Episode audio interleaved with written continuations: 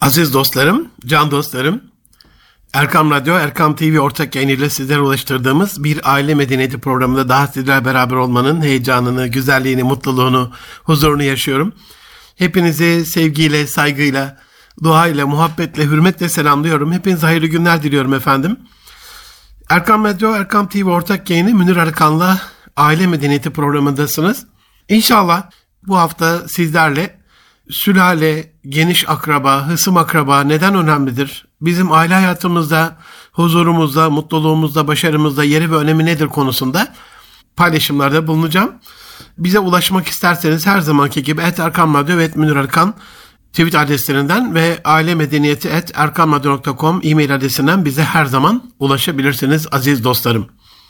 Can dostlarım, özellikle kişisel egoistliğinde, bencilliğinde, yalnızlığında, tek başınacılığında, kendi içine kapanıp çekirdek aileye, hani çekirdek de normalde bir nüvedir. Faturus semavati vel ardı bütün böyle e, kainatın o Big Bang patlamasında olduğu gibi bir çekirdekten fışkırması, yayılması olayında olduğu gibi bir çekirdeğin bütün ağacın özelliklerini, hususiyetlerini e, kapsaması gibi, sperm ve yumurtanın bütün genetik kalitemizi ortaya koyması gibi hani çekirdek normal ifadesi ya da anlamı itibariyle olumlu ve güzel bir anlam ifade eder. Ama buna rağmen hani çekirdek aile dediğimizde kabuğuna çekilmiş, içe doğru çökmüş, kepmiş eski tabirle ve bir başına yalnız hayatını yaşayan anne baba ve çocuktan oluşan evvelden 20 sene evvel anne baba ve çocuklardan oluşan deniyordu. Şimdi çocuğu da teke indirdiler. Hatta çocuksuz aileler moda oldu. Evliliksiz birliktelikler moda oldu maalesef. O anlamda bu çekirdek aileye karşı sülalenin, hısım akrabanın, sıla rahimin, akraba talukatın önemini biraz daha idrak etmemiz adına farklı yönleriyle sizlere ifade etmeye çalışacağım. Sülale bizim kültürümüzde, geleneğimizde, dinimizde, örfümüzde hısım akraba, akraba talukat, sıla rahim çok çok önemlidir. Bunun önemini farklı bakış açıları size arz etmeye çalışacağım can dostlarım. Aziz dostlarım, her şeyden evvel genetik kalitemizi oluşturur sülalemiz. Bunu bilimsel olarak da ispat etmiş bilim insanları. Uzun ömürlü olmak bizim DNA'nın kuyruk kısmında adına telomer dediğimiz bir yapının uzunluğuna bağlı olduğunu biliyoruz. Yani ne kadar uzun telomer hatta bunu internetten yazıp siz de bakarsanız çok sevinirim. Ne kadar uzun telomer o kadar uzun ömür. Bilimsel olarak bu ispat edilmiş durumda. Peki insan ömrünün uzunluğu, uzunluğu telomerin uzunluğuna bağlıysa telomerin uzunluğu neye bağlı diye bir soru daha sormuş bilim insanları.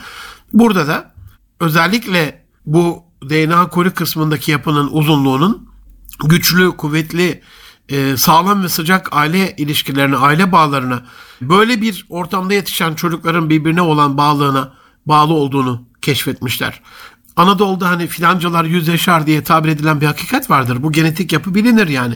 O ailelerin daha uzun ömürlü olduğu görülür. Gençler bildiğiniz gibi kalıtsal kodlarımızın e, kuşaklardan kuşağa aktarımıdır. Mehmet Ali Bulut abi burada hayırla kulaklarını çınlatalım, yad edelim. Onun dediği gibi bir çocuk 54 atasının damıtılmış özütüdür. Yani maddi ve manevi genetiğini barındırır. 54 atasının kodları vardır. Aynen öyle. Her şeyden evvel sülale bizim genetik kalitemiz, genetik kodlarımız, genetik aktarımımızı oluşturuyor. Buradan da sadece hani Kızılderili atasözünde yer ettiği şekliyle e, bu dünya bize atalarımızdan miras kalmadı. Biz onu çocuklarımızdan ödünç aldık diyorlar ya. Şu anda çocuklarımızın ödünç aldığımız bir hayatını yaşıyoruz. Torunlarımızın, onların torunlarının, gelecek kuşakların onlardan ödünç aldığımız bir emanetini yaşıyoruz. Yani gelecek kuşakların kalitesini bugünden yaşadığımız hayat bir şekliyle belirliyor. Burada kul hakkına girmeden aman ha diye bu uyarıyla yetinelim inşallah. Aziz dostlarım, ikinci olarak Sülale neden önemlidir? Çünkü bizim manevi kodlarımızı da barındırır. Aynı genetik kodlarımızı oluşturduğu gibi. Amerikalıların kendilerini sevmem ama sevdiğim bir atasözü you are what you believe der. You are what you think ne düşünüyorsan olsun, you are what you believe neye inanıyorsan olsun. İnsan neye inanıyorsa odur. Dolayısıyla abdesti gezmeyi ele alalım mesela. Eğer abdest müminin silahı ise ki elbette öyle el hak öyle Resulullah sallallahu aleyhi ve sellem öyle buyuruyor. Abdest müminin silahıdır diye buyuruyor. O halde şeytanın bütün askerlerinin dört köşe kuytu bucak bize tuzak kurduğu şu günümüz hayatı içerisinde abdestli gezenle gezmeyenin bebeğini abdestli emziren bir anneyle buna dikkat etmeyen bir annenin çocuğunda elbette bir farklılık olacak. Onun için hani maneviyatımızı ne besliyorsa, manevi açıdan kimlerden ne şekilde besleniyorsak buna dikkat etmemiz lazım. Geçen Yusuf Kaplan e, üstadım, sevgili dostum bahsetmiş. Bu müstemleke eğitim sistemiyle kendi ayağımıza sıkmanın, kendi ocağımıza incir ağacı dikmenin sıkıntısındayız diye. Aynen öyle. Bu eğitim sistemi belki biraz ilim veriyor ama irfan vermiyor. Hikmeti zaten asla kim bulmuş da biz bulacağız. Bunun üzerine biraz e, kafa yormamız gerekiyor kanaat önderlerimizin. Manevi kodlar hani kimden manevi olarak besleniyoruz? Haftada bir iki saatlik bir siyer dersi, Kur'an dersi de bu konuda yeterli olmadığını son 10 yılda çok iyi bir şekilde gördük. Ee, dolayısıyla hani manevi kodlarımızı aktaracak bir sistem kurmak, manevi kodların önemine dikkat çekecek eserler ortaya koymak, özellikle bu konuda çizgi filmlerle, müzik yapımlarıyla, tiyatro yapımlarıyla, film yapımlarıyla, çocuk oyunlarıyla çocukların gönlüne girmek küçük yaşlarda erken çocukluk döneminde çok çok önemli. Manevi kodlar deyince aziz dostlarım tabi dualar da çok tesirli. Yani duanın neredeyse bir sihir gücünde hani babaların evlatlarına duası, peygamberlerin ümmetlerine duası gibi buyurmuş Resulullah sallallahu aleyhi ve sellem. Aynen öyle. Hani biz e, bazen duaları da esirgiyoruz, esirgiyoruz çocuklarımızdan, ailemizden, eşlerimizden, akrabalarımızdan. Kendi bencil hayatımızla alakalı dualara gömülüyoruz. Öyle olmaması lazım. Dualar tesirli olduğu gibi ibadetler de çok tesirli. Özellikle manevi kodlar diye bir şeyden bahsediyorsak helal lokma bunun omurgası kişilik ve karakterde huyun omurgası helal lokma. Yani bizim maneviyatımızı oluşturuyor. Kendi şeriatına bir kavim, bir millet, bir dinin müntesipleri ne kadar riayet ediyorlarsa, ne kadar hassasiyet gösteriyorlarsa Rabbim o kavme o, o konuda nasiptar kılarak ihsanını, İnansın, doğru inansın, yanlış inansın önemli değil ama kendi şeriatına sahip çıktığında o şeriata göre sünnetullah, adetullah gerçek oluyor. En leyse insan ilenmezse insan diyor sadece çalışmasını karşına alacak. Yani orada Müslüman çalışmasını karşına alacak. Benim mümin kullarım sadece çalışmasını karşına alacak. Kafirler, inanmayanlar, Hristiyanlar, Budistler, ateistler ya da Yahudiler bunu almayacak. Onlardan esirgeyeceğim diye buyurmuyor Rabbim dünya sivrisineğin kanadından Kutsi Hadis'te ifade ettiği şekliyle çok daha değersiz Allah için. Onun için de hiç onlara dünya hayatıyla alakalı varlıklarında imrenmiyoruz. Ama tabii ki dini mübini İslam'ın bütün dünyada din sadece Allah'ın olana kadar ki mücadelemizde hakim olması adına da paranın çok güzel manevi bir araç olduğu kesin. Yeter ki bencil egoist, e, lüks ve sefi hayatımızda vesile kılmasın. Bu anlamda aziz dostlarım manevi açıdan güçlü kişilerden oluşan ailelerde çepeçevre bu güzel insanlarla kuşatılmış bir ortamda büyüyen çocukların maneviyatı elbette çok daha güçlü olacaktır. Bunun istisnaları olur ama genelde Gülistan'da güller çıkar, çöplüklerde e, pislikler olur. Bir çöplükte de gül çıktığı görülmüştür ama çok çok çok istisna bir durumdur. Üçüncü olarak psikolojik durumumuzu şekillendiren kaynağımızdır. Sülalemiz, içinde olduğumuz ailemiz. Şimdi Anne ile baba bir çocuk çekirdek ailede kapanmış kendi içerisine. Ufacık bir tartışma olsa anne babanın o ruhaniyeti çocuğa da olumsuz manada sinecektir. Ama ben çocukluğumdan hatırlıyorum. Aile büyükleri eve geldiğinde ya da aile büyüklerin ve bütün akrabanın olduğu büyük yer sofralarının kurulduğu böyle piknik vari ya da bahçede oturup hep beraber yemek yediğimiz ortamlarda dargınlıklarda, küskünlüklerde, kızgınlıklarda, öfkelerde yok olur. Yerine sevgi, saygı, muhabbet ülfet ve ünsiyet peydah olur. Aileler birbiriyle can ciğer kuzu sarması olurdu. Varsa bile ertelenirdi. Hani e, Güneydoğu'da Allah tez zamanda yok etsin, bitirsin inşallah bu kan davalarını. Ama devam eden kan davaları var. Ama bu kan davası illetinin içinde de bir güzel güzellik var. O da şuymuş ki eğer iki kan davalı bir büyüğün nezaretinde birbirinin evinde yemek yerse ya biz senin evinde yemek yemişliğimiz var bir daha seninle kan davalı mı olacağız diye kan davası bitermiş. Onun için de bunu bildikleri için birbirlerinin evlerine gitmez yemeklerini yemezlermiş. İşte bir büyük de buna vesile olursa kan davayı bitirirmiş. Yani herhalde o yer sofralarında o bereketli sofralarda birbirimizin rızkından müstefit olmak, nem alanmak, faydelenmek, helal lokmalarla birbirimizi beslemek herhalde kendi aramızdaki ufak tefek kan davası tabii ki olmadı ama e, ufak tefek problemleri de yok edecektir.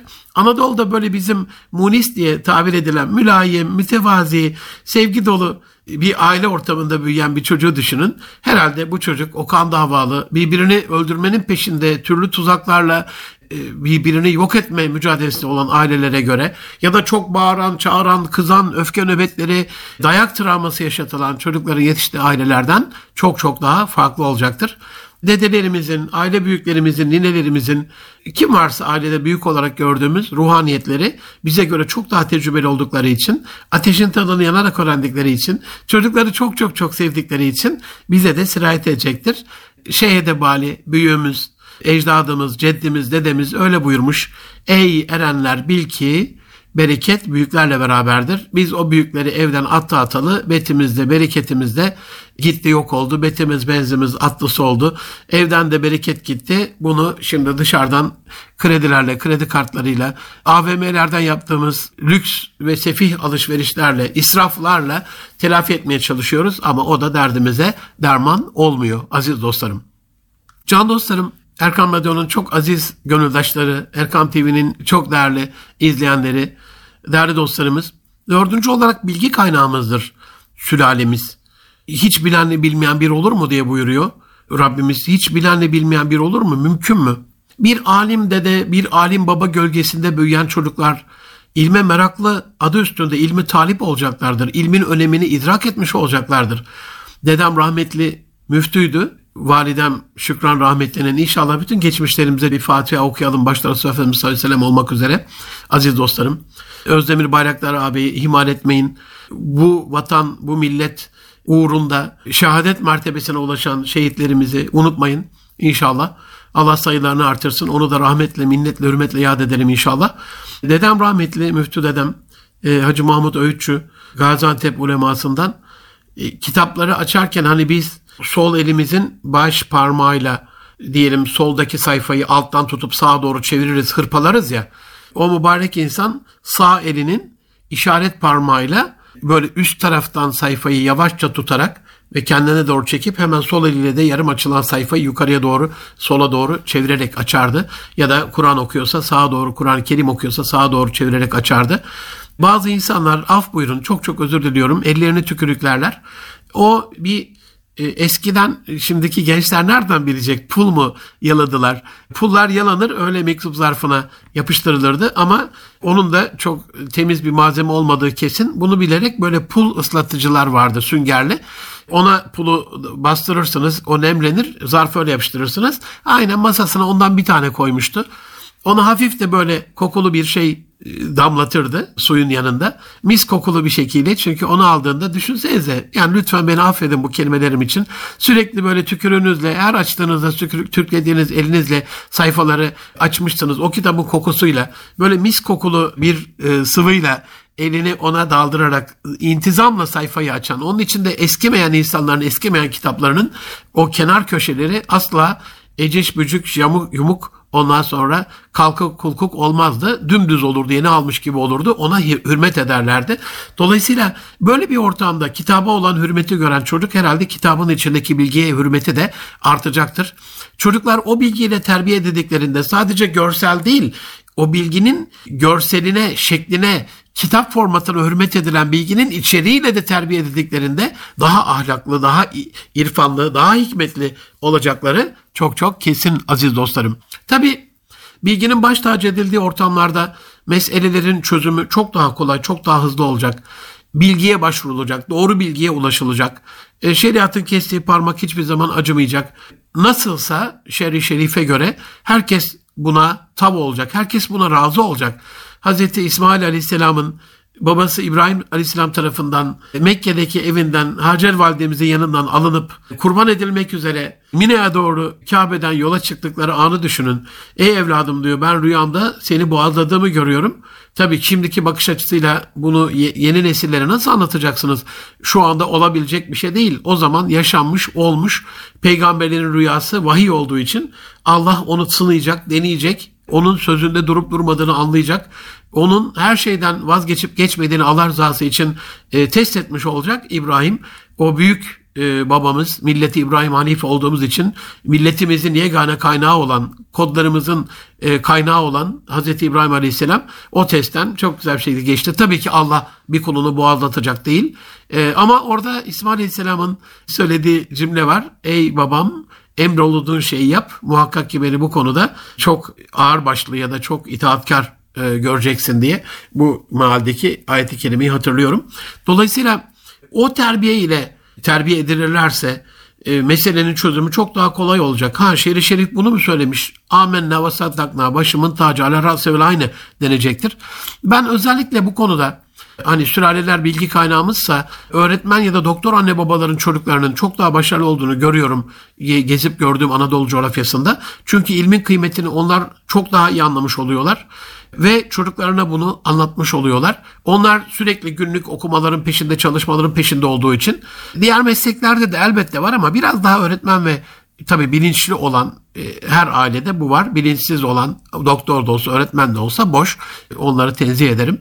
Bu bilinç diyelim meslekleri buradan ayırarak ilme hürmet eden bir bilinçli ortamda büyüyen çocukların da ilmin kıymetini anladıkları için ilme olan hikmete ram ol buyruğunda olduğu gibi hikmete ram olmaklıkları daha iyi oluyor, daha bağlı oluyorlar. Tabi aile içerisinde bilgi kaynağımız büyüklerimiz ama çocuk zihnine göre bir çocuk sorularına cevap alamazsa aziz dostlarım aile onun gözünde 3 sorudan sonra itibarını kaybediyormuş. Bir daha bu soru sorulacak merci olma vasfını kaybediyormuş.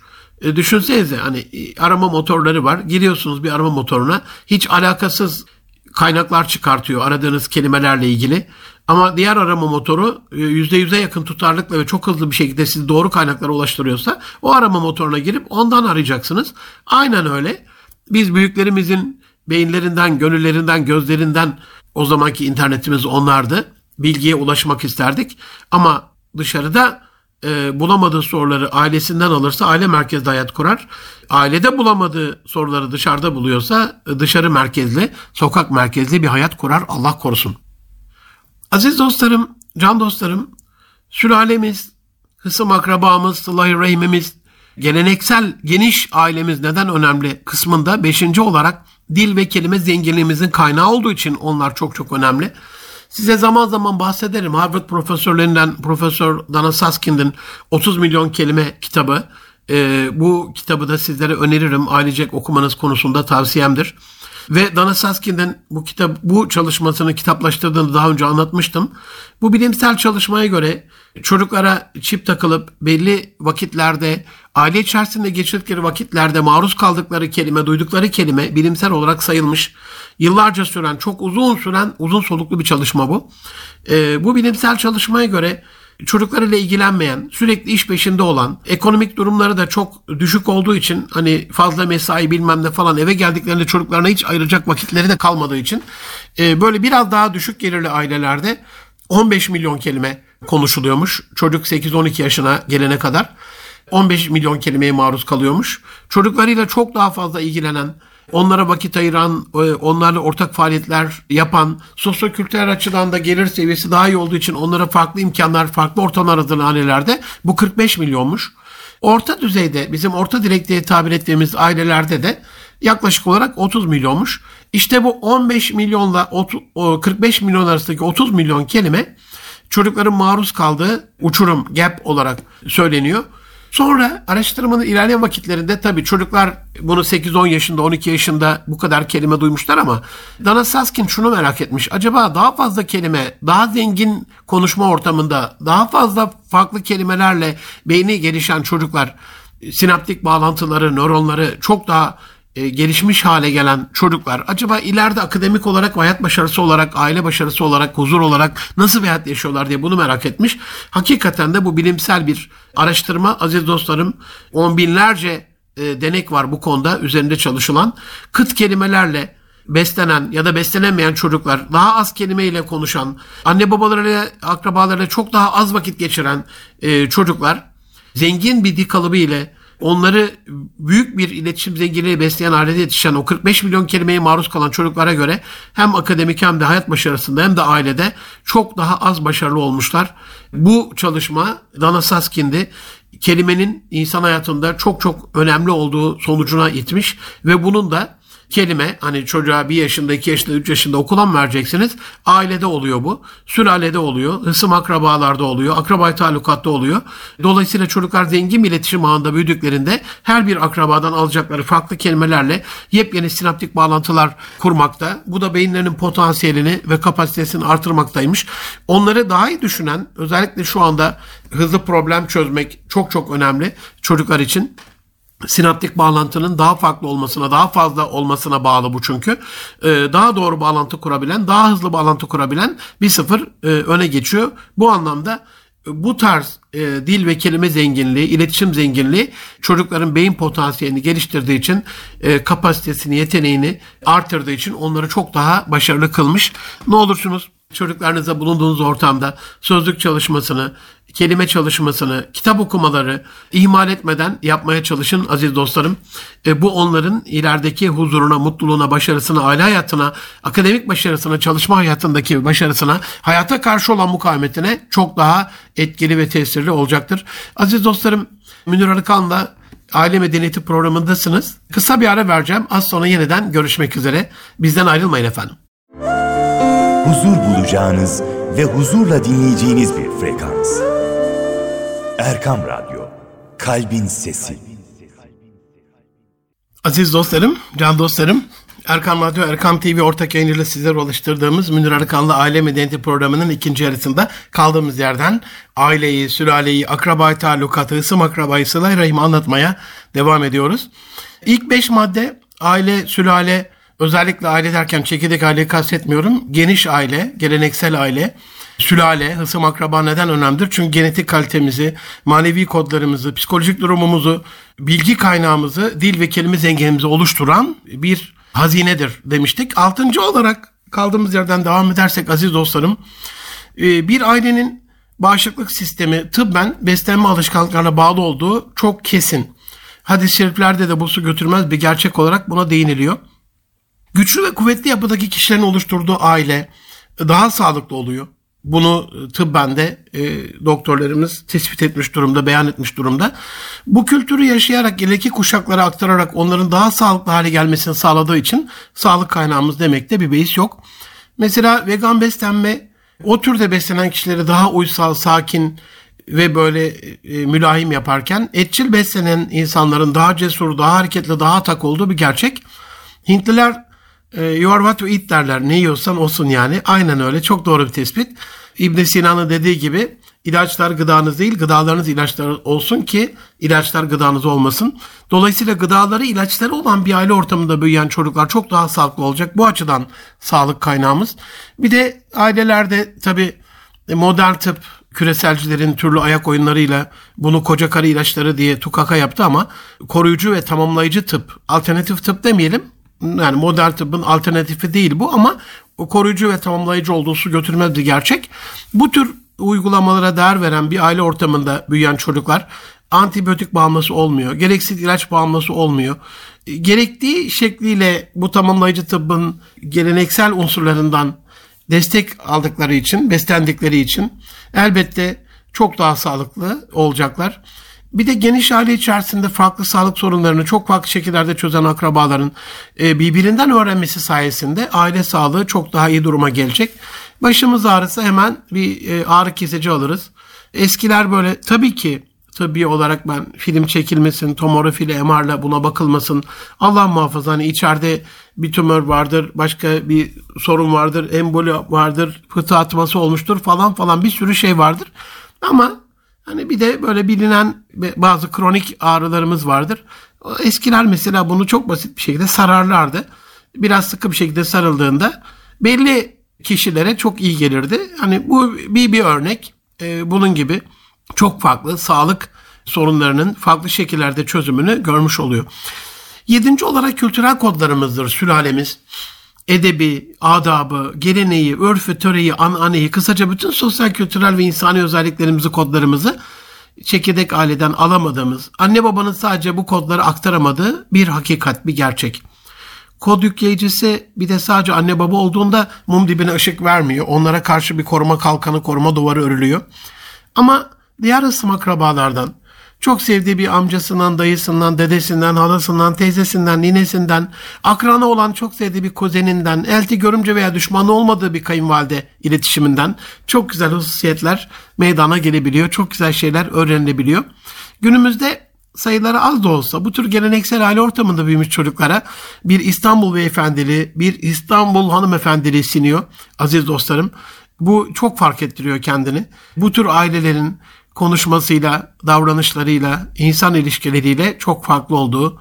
Asalet elbette hani soya çekim ama soylu yaşantı içindeyseniz o soya çekim. Yani sülalenin de bu ilişkiler yumağında ilişkileri kördüğüme dönüştürmemesi, sürdürülebilir dostluk ve e, akrabalık ilişkileri içerisinde olması şart. Bir de sülaleler hani farklı coğrafi bölgelere dağıldıkları için bu olay çeyiz hazırlamadan ev eşyalarına, kullanılan malzemelerden yaşam stiline, yemek yapmaya varıncaya kadar çok farklı bir kültürel zenginlik sağlıyor kişilere. Aziz dostlarım, çekirdek aileye karşı geleneksel aileyi, sülaleyi, hısım akrabayı, sıla ve bunun önemini anlattığımız programımızda 8. olarak sülalemiz akıl sağlığımızın bir güvencesi. Bunu Buhari'de e, mütevatir derecesinde, tevatür derecesinde aktarılan Hazreti Hatice validemizden naklolunan Allah Resulü'nün Farikan Efendimiz sallallahu aleyhi ve sellemin vahyin ilk anlarındaki halini anlatan o hadis-i şerifte buluyoruz. Hani eve dönüp biraz beni örtün deyip uyanıp e, uyuyup uyandıktan sonra ben o Hira mağarasında Cibril Emin'in kendini dehşetli bir şey sıkması, oku oku demesi, yaratan Rabbin akıyla oku demesi, o oku demesi hani çok alışılmadık bir durum. Ben kendimden endişe ederim diyor e, eşi Hatice Sultan Validemize. O diyor seni müjdelerim ey Muhammed sen müjdeler olsun sen hak peygambersin diye başladığı cümlesinin sonu çünkü sen akrabaya gidersin. Orada altı tane farklı unsur da yani yolda kalmışa, güçsüze, e, yardıma muhtaç kişiye yardım etmekle ilgili, insanların sorunlarını çözmekle ilgili altı müjde daha var ama bir numarada bunun olması akıl sağlığımızla ilgili akraba ziyaretlerinde bir sır olduğunu gösteriyor. Çünkü o geniş hale içerisinde birinin görmediğini diğer akraba görür, birinin ilgilenmediğiyle deri ilgilenir, birinin şifa bulamadığını öbürü şifa olabilir. Amerika'da babaların, aziz dostlarım çocukları görme süresi günlük olarak 8-10 saniyeymiş. Bizde de çok farklı olduğunu çok farklı düşünmüyorum. Yani aynı sofraya akşamleyin oturup ellerde telefon, gözler ekranlara kilitlenmiş. Bu birlikte olmak ya da görüşmek değil. Ya işte 8-10 saat babam evde, hocam evdeyiz. E, bu o anlama gelmiyor. Geniş ailelere baktığımızda sülale ziyaretleşmelerinde e, bir sobanın başında herkes birbirine hemhal olurdu. Eskileri bir düşünün bir Amasya basının etrafında dertlerle hem dert olunurdu. Gerçekten görüşülür, yüz yüze olunurdu, göz göze diz diz olunurdu. Bu akıl sağlığımızı rehabilite ederdi. Tabi sohbetler de muhabbet ve ahbaplık doğururdu. Yüzeysel olmazdı. Sadece ziyaretleşmenin bile hani seyahat anlamına bir evden kalkıp bir yere gitmek anlamına farklı bir kapıyı çalmak farklı bir evde ağırlanmak adına e, düşünürsek bir duygu durumu değişikliği oluşturduğu bir gerçek. Ben Karadeniz'de dostlarıma imreniyorum. Özellikle yazları bu yayla buluşmalarında ta Amerika'dan bile farklı ülkelerden bile olsa gelip Almanya'dan tüm akrabalarıyla hemhal olup bir horon tepen o dostlarımız bir başka bir psikoloji o yani bir arada olmak bir arada e, o gün gün boyu e, görüşmek, tanışmak, konuşmak onu rehabilite ettiği, akıl sağlığını yerine getirdiği, kendini daha güçlü hissettirdiği bir gerçek.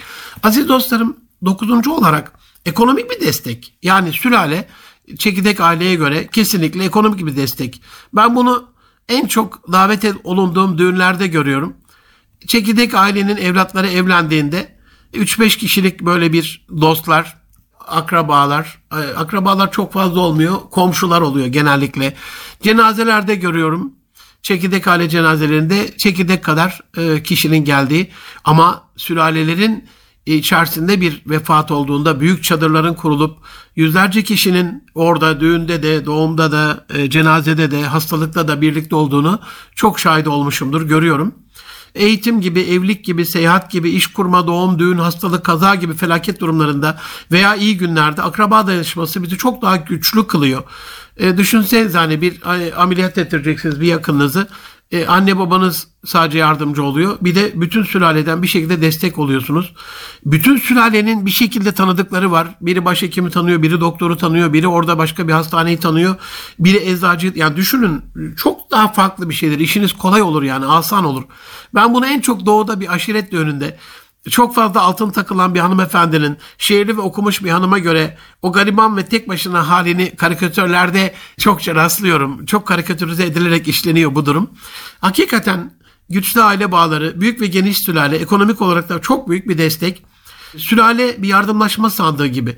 Eskiden böyleydi en azından. Yeniden o etkin ve verimli haline dönüşmeli ve bizi bankalara mahkum eden şu faiz belasından kurtarmalıdır diye düşünüyorum.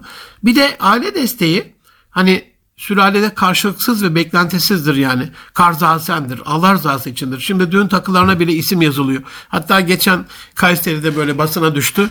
Kendisi işte çeyrek altın takmıştı. Öbürleri öyle bir çeyrek altın takmamış. İşte taktığı altını geri almak üzere dava açan bir vakada gördü bu ülke. Ne diyeyim ben artık bu menfaat ilişkisine.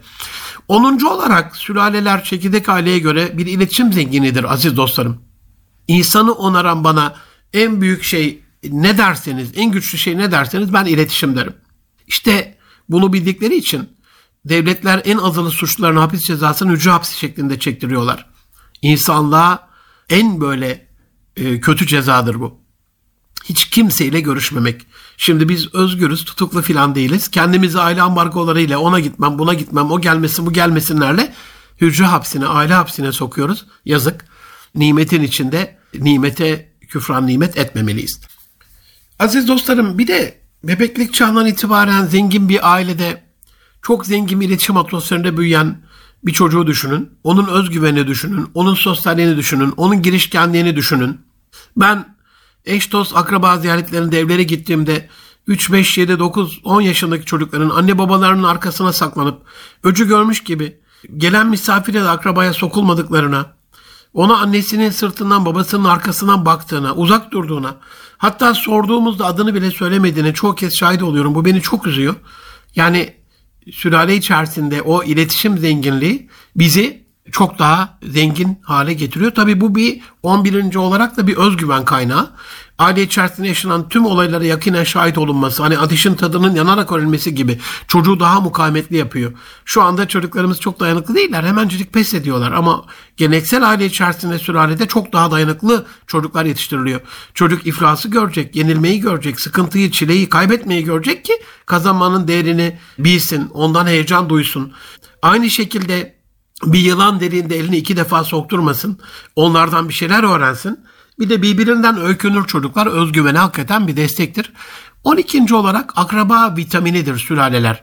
Her akrabalık bağının ayrı bir vitamini vardır. Yaşlılarda hep aynı vitamin olmaz. Anneannenin babaanneye göre vitamini farklıdır. A dedesinin B dedeye göre vitamin değeri farklıdır. Halanın, teyzenin, dayının, amcanın vitamini çok farklıdır. Tüm akraba vitaminlerini vaktinde yeteri dozda alan bir çocuğun ben asla ve asla sorunlu bir çocuk olacağını düşünmüyorum. Elbette tek tük istisnalar olacaktır. Peygamber çocuklarının bile asi olduğunu bize Kur'an-ı Kerim anlatır. Ama sünnetullah, adetullah az evvel de programın birinci bölümünde söylediğim gibi aziz dostlarım Gülistan'da karpuz kavun yetişmez. Tek tük olabilenler olur. Gülistan'da güller yetişir. Bu açıdan akraba vitaminden çocukları mahrum bırakacak ambargoların olmaması için sizden özel çaba istirham ediyorum. Son iki maddeyi de arz edip bu haftalık da bu kadar diyelim aziz dostlarım. Hadis-i şerifler e, bu anlatacağımın kaynağı. Ömür uzunluğu vesilemiz 13. olarak. Uzun ömür telemerlerimizin uzunluğuna bağlı demiştik programın başında. Resulullah Efendimiz sallallahu aleyhi ve sellem de bir hadis-i şerifte ömrü uzun olsun isteyen sılareme devam etsin diye söylüyor. Hadisin iki kısmı var. Onu da bir sonraki maddede el alacağım ayrıyeten ama hani akraba ziyaret ve yardım aşamasında dua kapıları demek ki ardına kadar açılıyor. Rahmet kapıları ardına kadar açılıyor.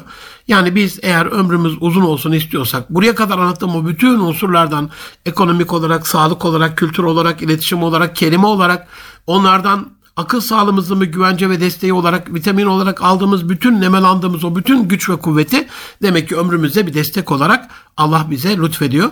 Son olarak 14. maddede bununla bitirelim. Rızık bolluğu vesilemiz, sülaleler. Resulullah Efendimiz sallallahu aleyhi ve sellem yine adet şerifin devamında rızkı bol olsun isteyen tabirini de ekliyor buna. Yani ömrü uzun ve rızkı bol olsun isteyen sılareme devam etsin diye buyuruyor. Aziz dostlarım en temiz, en nazif, en latif, en güzel, en kutsal mekandan, makamdan münezzeh Rabbimiz ama herhalde onun arşıdır. Sıla-i Rahim arşa tutunuyorsa temizliğini bir düşünün, onun maneviyatını bir gücünü düşünün. Allah'a en yakın bağ, akrabalık bağı. Bu anlamda sadece Müslümanlara verilen bir nimet değil akrabalık bağı. Bunu kim yaparsa ömrü uzun oluyor, rızkı da bol oluyor. Bakınız dünyanın en zengin ailelerine. Sülale yaşantısı sürerler. Dünyanın en zenginleridirler. Buradaki sırrı anlamayı Rabbim lütfeylesin. Yani hangi inançta olursa olsun ailesine hürmet eden, akrabasına hürmet eden, sıla rahimi güçlü tutan, sülale içerisinde bu bağını, bu kültürünü, bu geleni yaşatan ailelerin ömrü de uzun oluyor, rızkı da bol oluyor. Bu bilimsel olarak da bir gerçek. Aziz dostlarım, Bugünlük de bu kadar diyelim. Ben Deniz Münir Arıkan. Bir aile medeniyeti programının daha sonunda hepinizi sevgiyle, saygıyla, duayla, muhabbetle selamlıyorum. Hepinize en kalbi şükranlarımı, teşekkürlerimi, muhabbetlerimi, dualarımı arz ediyorum. Gelecek hafta görüşmek üzere. Hoşça kalın. Allah'a emanet olun efendim.